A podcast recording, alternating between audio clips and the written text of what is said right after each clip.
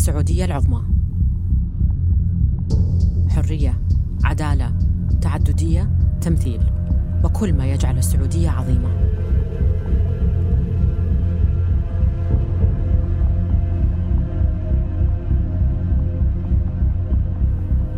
هذه ثلاث حلقات تجريبية لبودكاست متعدد في مقدميه ومواضيعه. يهتم بقضايانا في السعودية. إيمانا منا أنه في فجوة في تغطية كل ما يتعلق يا إعلام أجنبي يتناول مواضيعنا بسطحية واستشراق أو إعلام عربي موجه سياسيا. وإحنا في النص. يا دوب نشوف نفسنا في كل هذا الصخب الإعلامي والاهتمام المزعوم بكل شيء سعودي. نستحق حوار أعمق. نقاش صريح بدون تخوين.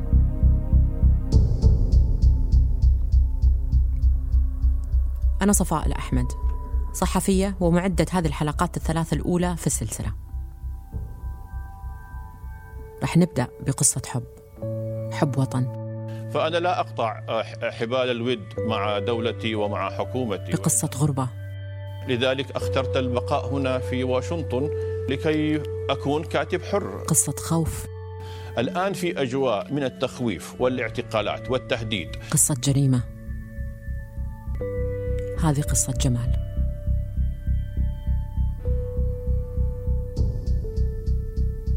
اليوم 2 أكتوبر 2018 بدأ جمال يومه على أمل أنه يستقر أخيرا يسكر على حقبة من حياته ويبدأ من جديد. حاول يخلص أوراقه في محل إقامته في دي سي لكن قالوا له لازم يروح إسطنبول. كلم جمال القنصل على أساس أنه بيستلم أوراقه اليوم ليكمل إجراءات الزواج لخطيبته خديجة جنكيز. واحد من القنصل رجع كلمه. وعطاه موعد الساعة واحدة بعد الظهر. هذه بتكون ثاني زيارة له للقنصلية. الزيارة الأولى كانت يوم 28 سبتمبر. تقول خديجة أنه كانت زيارة لطيفة وطلع منها مرتاح للرجوع. راح جمال على الموعد. طلع القنصل كان في قمة الاستعداد لزيارته من أيام. حسب المخابرات التركية كما نقل في تقرير أغنس كالامار المبعوثة الخاصة لقضايا القتل خارج القانون في الأمم المتحدة فإن المعلومات أنه جمال كان في القنصلية وأنه بيرجع في 2 أكتوبر تم توصيلها للرياض على السريع.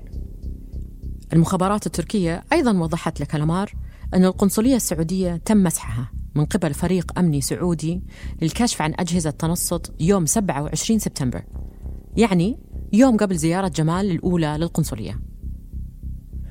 بس واضح أن الفريق السعودي الأمني فشل في مهمته. للتنويه المحادثات كما نقلت هنا تم ترجمتها من الإنجليزي للعربي من جديد بناء على التقرير الأممي. للأسف ما كان عندنا القدرة للوصول للتسجيلات الأصلية بالعربي. التقرير بالعربي والإنجليزي بيكون موجود على صفحتنا بالكامل باللغتين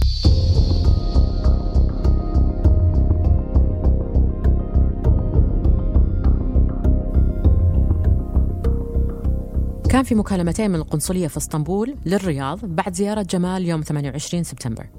واحدة الساعة 2 و 22 والثانية الساعة 2 و 27 بعد الظهر. يعني فرق خمس دقائق بس.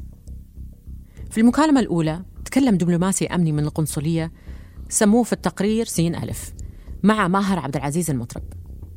قال المطرب خبرت مركز الاتصالات بالمعلومات اللي أعطاني إياها حاتم. رد سين ألف أنا وصلت الفيديوهات والصور. ممكن تتأكد أن مسكر عليهم؟ طبعا إلى الآن لم يتحقق أحد من شخصية حاتم أو مركزه. ماهر عبد العزيز المطرب.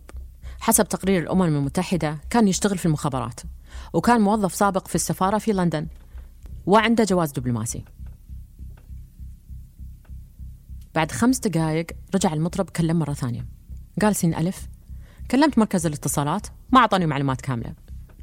سأل المطرب إذا كان جمال بيرجع للقنصلية في 2 أكتوبر. رد سين ألف. إيه كنا كلنا مصدومين. بس تكلمنا. سألته كيف حاله. ما في شيء رسمي لكن معروف إنه واحد من المطلوبين. بس ما استلمنا أي رسالة رسمية إذا كان عليه إشكال أو لا. في الساعة سبعة وثمان دقائق. من نفس اليوم تكلم محمد العتيبي قنصل السعودية في اسطنبول مع المدعو في التقرير ألف ألف. رئيس أمن الدولة اتصل بي وعنده مهمة. يطلبون أي أحد من وفدكم لمسألة خاصة. يطلبون أحد من جماعتكم. يقول لنا يحتاج أحد من جماعتكم لمهمة خاصة وسرية للغاية. يقدر حتى أنه يحصل على إذن إذا لزم. سأل ألف ألف. هذا الرجال يستحق الثقة؟ وكمل. بيعدون الترتيبات. خليه يشتري تذكرة. بعد شيء ثاني. بيرتبونها كأنها إجازة. وعلى فكرة إذا التكليف يتعلق بالأمن فعندنا العسيري. رد القنصل إيه التكليف يتعلق بالأمن. يكمل ألف ألف. يقول إن المهمة واجب يبيه بس أربعة خمسة أيام. بيرتبون كل شيء حتى السكن. ارسل لي رقمه. برسل له لهم بعد ساعة. بيكونون على اتصال. في الساعة ثمان وأربع دقائق تكلم القنصل العتيبي مع المدعو ألف ميم ألف وهو موظف في القنصلية. سأل ألف ميم ألف في شيء؟ رد العتيبي. إيه في تدريب طارئ في الرياض. كلموني من الرياض. قالوا لي إنهم طلبوا مسؤول اشتغل على البروتوكول.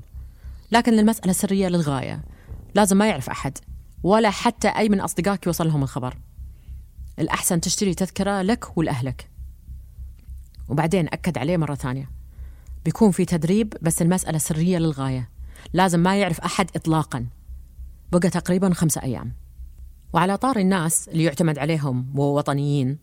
لازم نذكر حادثة صارت قبل كم شهر وكان وراها من أقرب المقربين للحكم. طلع أن الحكومة السعودية عن طريق شركة أن أو الإسرائيلية هكرت تليفون ناشط سعودي في بريطانيا وشخصين ثانيين كانوا على تواصل مباشر مع جمال. اسم برنامج التنصت هذا باجاسس البرنامج يخليك تقدر تتحكم بالكاميرا والميكروفون والصور والذاكرة وتسجيل المحادثات عبر الإنترنت والملفات الشخصية يعني كل شيء. يقال أن استهداف شخص واحد ممكن يكلف تقريبا مليون دولار. كان الفضل لهذه العقود ومحاولات التهكير ترجع المستشار في الديوان الملكي برتبة وزير والمشرف العام على مركز الدراسات والشؤون الإعلامية وعضو مجلس إدارة مسك ومدارس مسك والسبرانية و و و. سابقا طبعا على الأقل رسميا سعود القحطاني. في الحقيقة كثير من السعوديين في الخارج كان هذا هاجسنا الأول. إن الحكومة تحاول اختراق أجهزتنا الشخصية لمعرفة على إيش إحنا نشتغل أو مع مين نتكلم أو إحنا وين.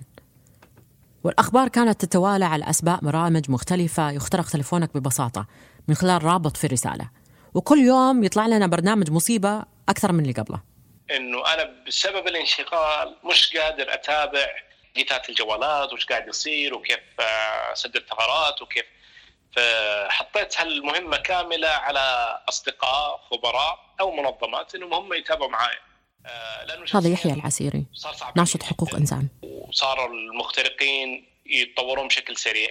آه، من ضمن هذا النصائح إنه ما أفتح أي أي برنامج أو أي رابط آه، ما أعرف مصدره أو ماني واثق فيه. يوم 29 مايو جتني رسالة وقالت لي كان مكتوب في الرسالة أنه حاولنا إبلاغك أو أو شيء من هذا القبيل يعني بهذا المعنى أنه حاولنا إبلاغك بجلسة المحكمة وما حضرت وكذا والجلسة أحددت. أحدد موعد الجلسة القادمة آه، لدى المحكمة فكان بالنسبة لي الموضوع لا يمكن يكون خطأ أنه وصلني ليش؟ لأنه محكمة سعودية ترسل لجوال بريطاني مستخدم سعودي واضح إنه مستهدف يعني إنه مقصود مش مش غلط يعني فحولت الرابط للكمبيوتر الاحتياطي اللي قادر أخذ فيه المخاطرة. وفتحته من الكمبيوتر. فتح لي فعليا وزارة العدل السعودية. ولكن ما فتح لي قضية. آه، فتح لي إنه انتهت صلاحية الرابط. وهذا اللي يصير لما آه، يجي لك رابط هو خاص فيك ما يقدر أحد يفتحه من جهاز ثاني. فعرفت أنا إنه أوكي إنه وزارة العدل ما برضو ما تصورت. أحيانا إحنا نحسن الظن بالسلطة وما نتوقع توصل هالشكل. ما توقعت إنه أحد يقدر يعطي وزارة العدل أمر إنه هي والله تخترق. أوكي؟ وصحيح إنه يعطوا أمر لوزارة العدل إنها تحكم على الناس أحكام غبية. لكن برضو يدخلوا في اختراقات وفي شغلات زي كذا ما توقعتهم يعني لهالدرجة. فلما شفته فعلا وزارة العدل قمت فتحت الرابط من جوالي. لما فتحت الرابط فتح لي على وزارة العدل بس إنه علق الجوال. وصار الجوال ثقيل جدا. أحاول أقفل الصفحات ما تقفل أفتح شيء ما يفتح أحاول آه، أي process أحاول أسويه في الجوال صعب صعب جدا. مباشرة اتصلت بصديق آه، في Front Line Defender وسألته فقال لي هذا قطعا اختراق أكيد. في نفس اليوم أحد المسؤولين الأوروبيين اللي له علاقة بالشأن السعودي أرسل لي رسالة وقال لي أنت أعطيت رقمي لأحد في أمريكا. قلت له لا. فقال لي هل تعرف هذه السيدة؟ وصور لي رسالة جت له على الواتساب. آه، مكتوب في الرسالة إنه أنا فتاة سعودية أتظاهر أمام السفارة السعودية في آه، واشنطن أو نيويورك. ومن أجل أخي المعتقل تعسفيا وأرجو منكم المساعدة في هذا الرابط كامل التفاصيل عن أخي. مكتوب لمسؤول أوروبي هالرسالة. فقلت إنه انتبه لأنه أنا اليوم جاني رابط وتعرضت لمشكلة كبيرة. لا تفتح الرابط آه، بعدها بدقائق جتني رسالة من أحد آه، باحثين العفو الدولية منظمة العفو الدولية. وقال لي جتني هذه الرسالة. هل تعرف هذه السيدة؟ فقلت له لا بما أنها جت لك الرسالة هي جت لمسؤول أوروبي أيضا نفس الرسالة. وأنا اليوم جاني رابط تحكير فاحذروا. فقال لي الباحث حق العفو الدولية قال حول لي الرساله اللي وصلتك أنت والرسالة اللي وصلت الاوروبي فحولت له الثلاثة واشتغلوا عليها العفو الدولية وطلعوا تقرير إنه كل الروابط الثلاثة آه، اختراق من NSO آه، Group. آه، كل الثلاثة تحمل نفس الإشكال ولكنها كانت بصيغتين مختلفتين. وبعد ما تكلمت مع جمال عن موضوع الاختراق فانا قلت لجمال إنه بالتأكيد إن كلنا معرضين للخطر. آه، بما إنه حاولوا يخترقوا عمر حاولوا يخترقوا جهازي حاولوا مع الباحث في العفو الدولية مع مسؤول أوروبي فأكيد أنت يا جمال في نفس الدائرة. فإذا ما لاحظت شيء فربما اخترقوك وأنت ما تدري فحاول إنك تشيك على أجهزتك. لكن لو رجعنا لموضوعنا طلع إن القحطاني أيضا كلف في 2017 بمهمة خطيرة. أرجاع السعوديين من سمتهم الحكومة بالمارقة والخونة والإرهابيين من الخارج في تضارب في حقيقة الموضوع ومن يرتقي أصلا إلى أن يكون بهالأهمية أنه يخطف ويعاد إلى تراب الوطن. كان في أخبار عن علاقة شائكة بين سعود القحطاني وجمال. يقال حتى أن القحطاني هو اللي حاول منع جمال من الكتابة قبل ما يطلع من السعودية. وفي أخبار أنه حاول إقناع جمال للرجوع للمملكة بعد خروجه. المهم في يوم 2 أكتوبر كان ما زال القحطاني في أوج قوته.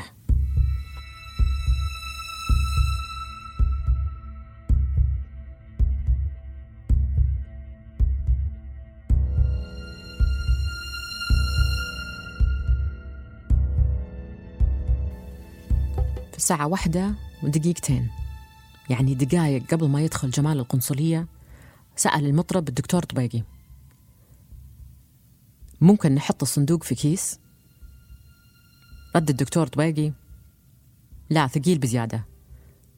أول مرة أقص على الأرض.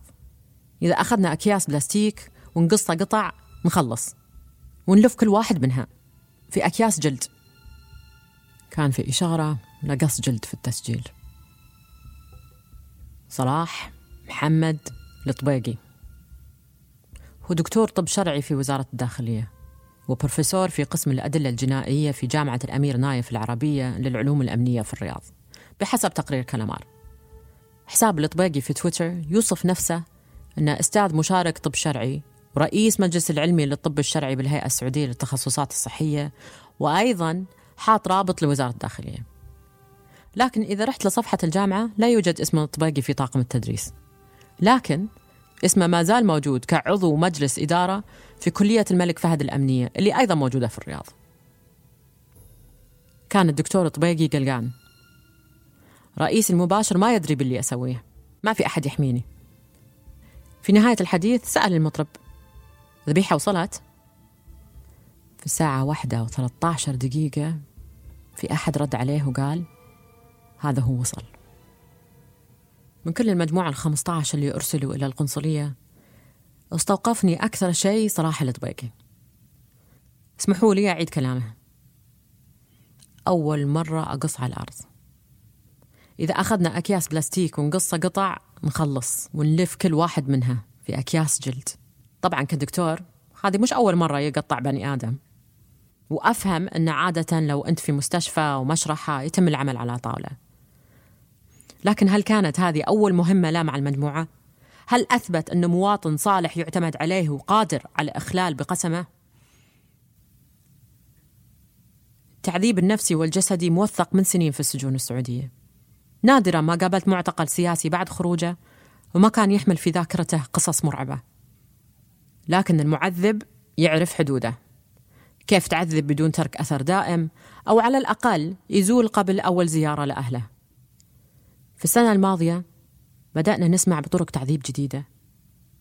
الإجبار على الأكل حتى الاستفراغ الإيهام بالغرق التهديد بالاغتصاب التحرش الجنسي.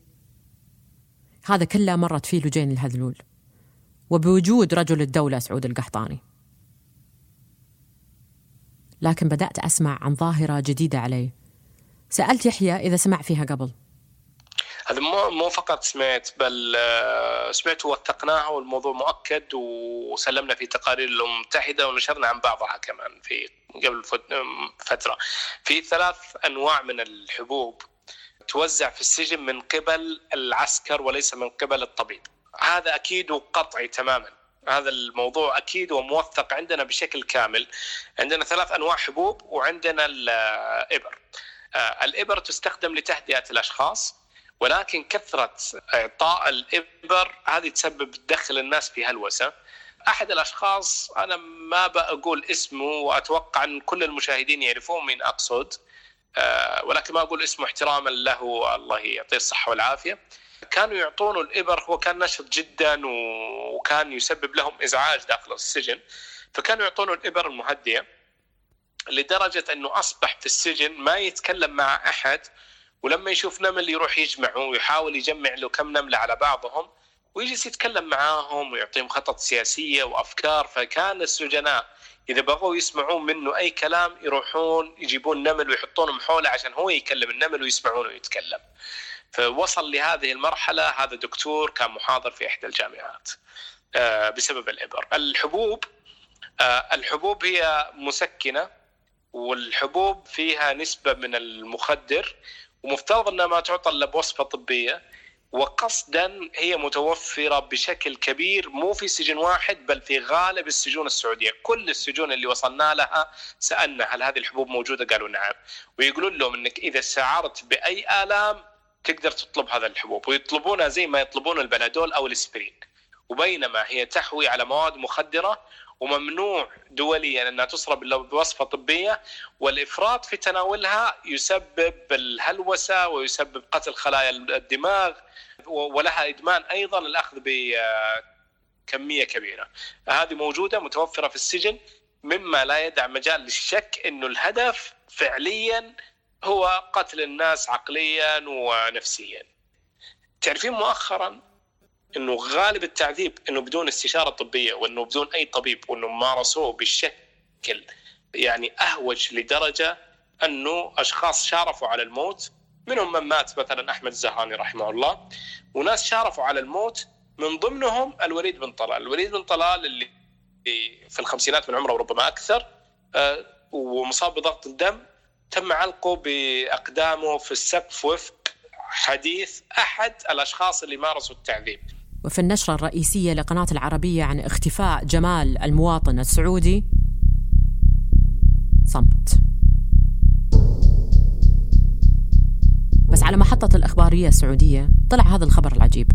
تمكن انتربول السعودي من القبض على مواطن مطلوب بقضايا احتيالية في شيكات بدون رصيد وهروبه إلى خارج المملكة حيث تم القبض عليه واسترداده للمملكة بتاريخ الثاني والعشرين من محرم لعام 1440 الخبر في أي يوم ثاني ما كان راح يكون محط اهتمام.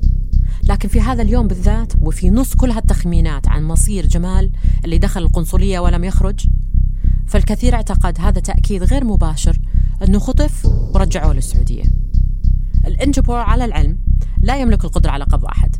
هو فقط جهاز عالمي للتنبيه إذا توجد قضية على شخص ويرجع لكل دولة القرار في إيقاف أو إرجاع المطلوب أم لا. بالضبط. هذا الخبر آه، تبادلناه جميعا مع النشطاء مع المنظمات مع الإعلام. هذا الرابط يعني كلنا تبادلنا الرابط. كل شوي يرسلوا لي واحد وأنا أرسله للثاني لأنه كان الموضوع إحنا نحاول نفهم المشهد ونحاول نفهم إيش اللي قاعد يصير. فعلى طول ربطنا في هالموضوع إنه هم عملوا له قضية وقالوا إنتربول وراحوا جابوه. آه، واستلموه.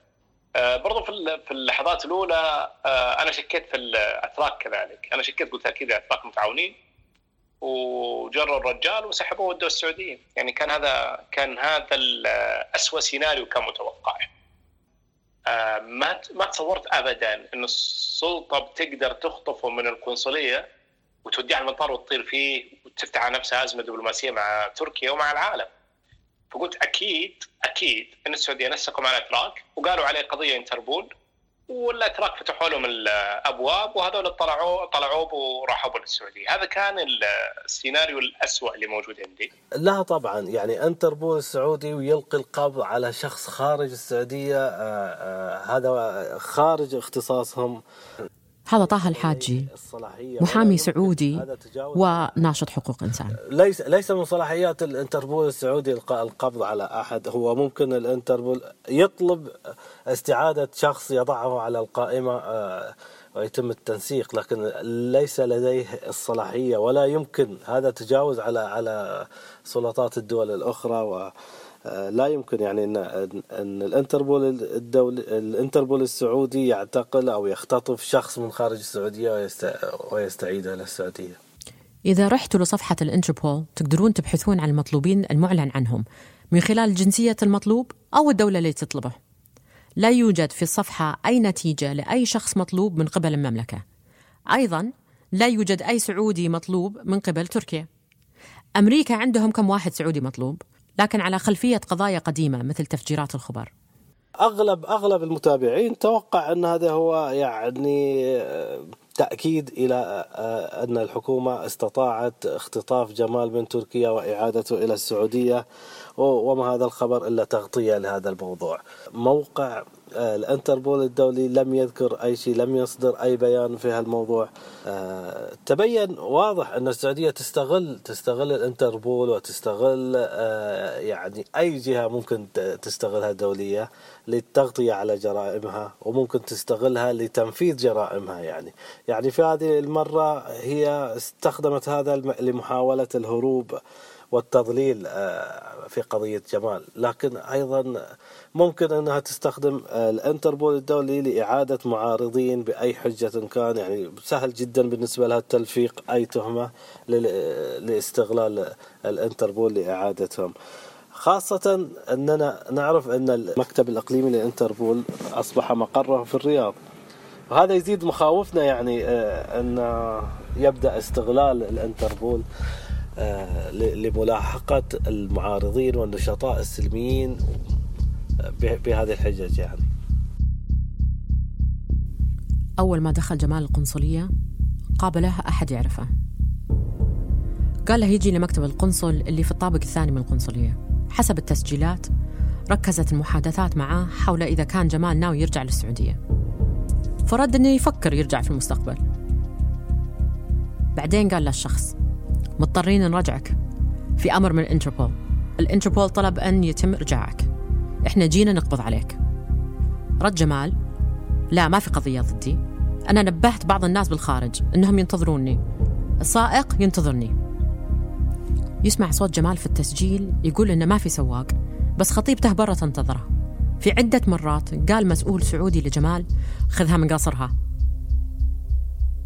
في الساعة واحدة واثنين وعشرين دقيقة. سأل مطرب إذا كان جمال عنده جوال. رد جمال جوالين. أي نوع؟ جوالات آبل. أرسل رسالة لولدك. أي ولد؟ إيش المطلوب إني أقول لولدي؟ صمت. تكتب رسالة نتدرب ورني. إيش مفروض أقول له؟ أشوفك قريبا ما أقدر أقول له اختطاف. قصر السالفة. اخلع بدلتك. كيف ممكن يحدث هذا في السفارة؟ مش راح أكتب حاجة. اكتب يا سيد جمال بسرعة. ساعدنا عشان نساعدك لأننا في النهاية بنرجعك السعودية. خلي السالفة تعدي على خير. في الساعة واحدة ثلاثة وثلاثين دقيقة. قال جمال في فوطة هنا بتعطوني مخدرات؟ بنخدرك. في التسجيلات ينسمع صوت مقاومة شوي كلام. نام. رفع راسه. واصل الدف. دف هنا. لا تزيح يدك. دفعها.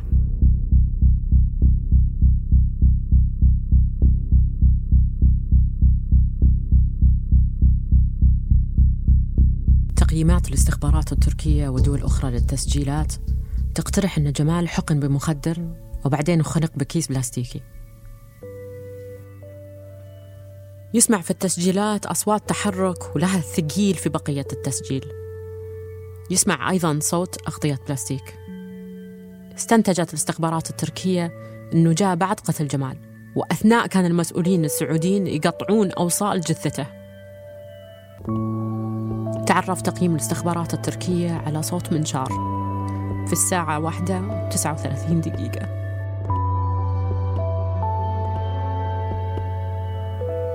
وتصبحون على وطن. شاركونا برأيكم عبر هذه الطريقة الآمنة وبدون اسم أو هوية. تجدون التعليمات على حساب تويتر at Great Saudi Pod. أنتج هذا البودكاست بدعم من منظمة العفو الدولية. الآراء الواردة فيه مستقلة ولا تمثل بالضرورة رأي منظمة العفو الدولية.